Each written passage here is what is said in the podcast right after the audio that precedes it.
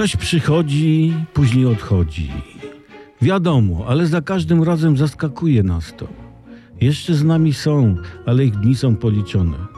Opuśćmy głowę do połowy kolan, urońmy łzy pożegnania, przywołajmy na twarz smutek.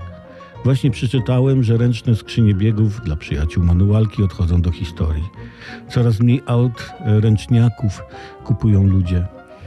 Niedługo poza wyjątkowymi, bardzo tanimi lub drogimi wyścigówkami wszystkie samochody będą miały automatyczną skrzynię biegów. Czy to dobrze? Może, ale nie unikniemy wrażenia, że kończy się pewna epoka.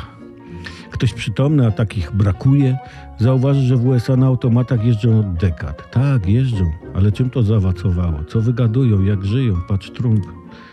Z czego to się, z niczego to się nie wzięło, słuchajcie, że oni tak tam. Szkoda ręcznych skrzyń biegów. Wiadomo, ręczną wybierało się, żeby mieć lepszą kontrolę nad samochodem. Dotykałeś czule lewarka, jakby nie wprost myśleć, hej, to mój lewarek i mam nad nim kontrolę, wręcz władzę. Ileż wspomnień się z manualem wiąże. Można było sobie, jak się chciało, zredukować świadomie bieg z wyższego, tu nie będzie niespodzianki, na niższy.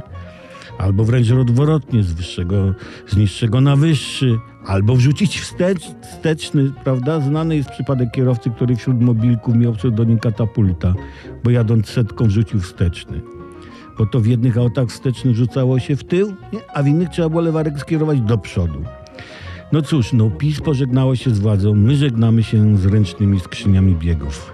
Czego bardziej żałować? Lewarek fajnie się trzymało. 嗯。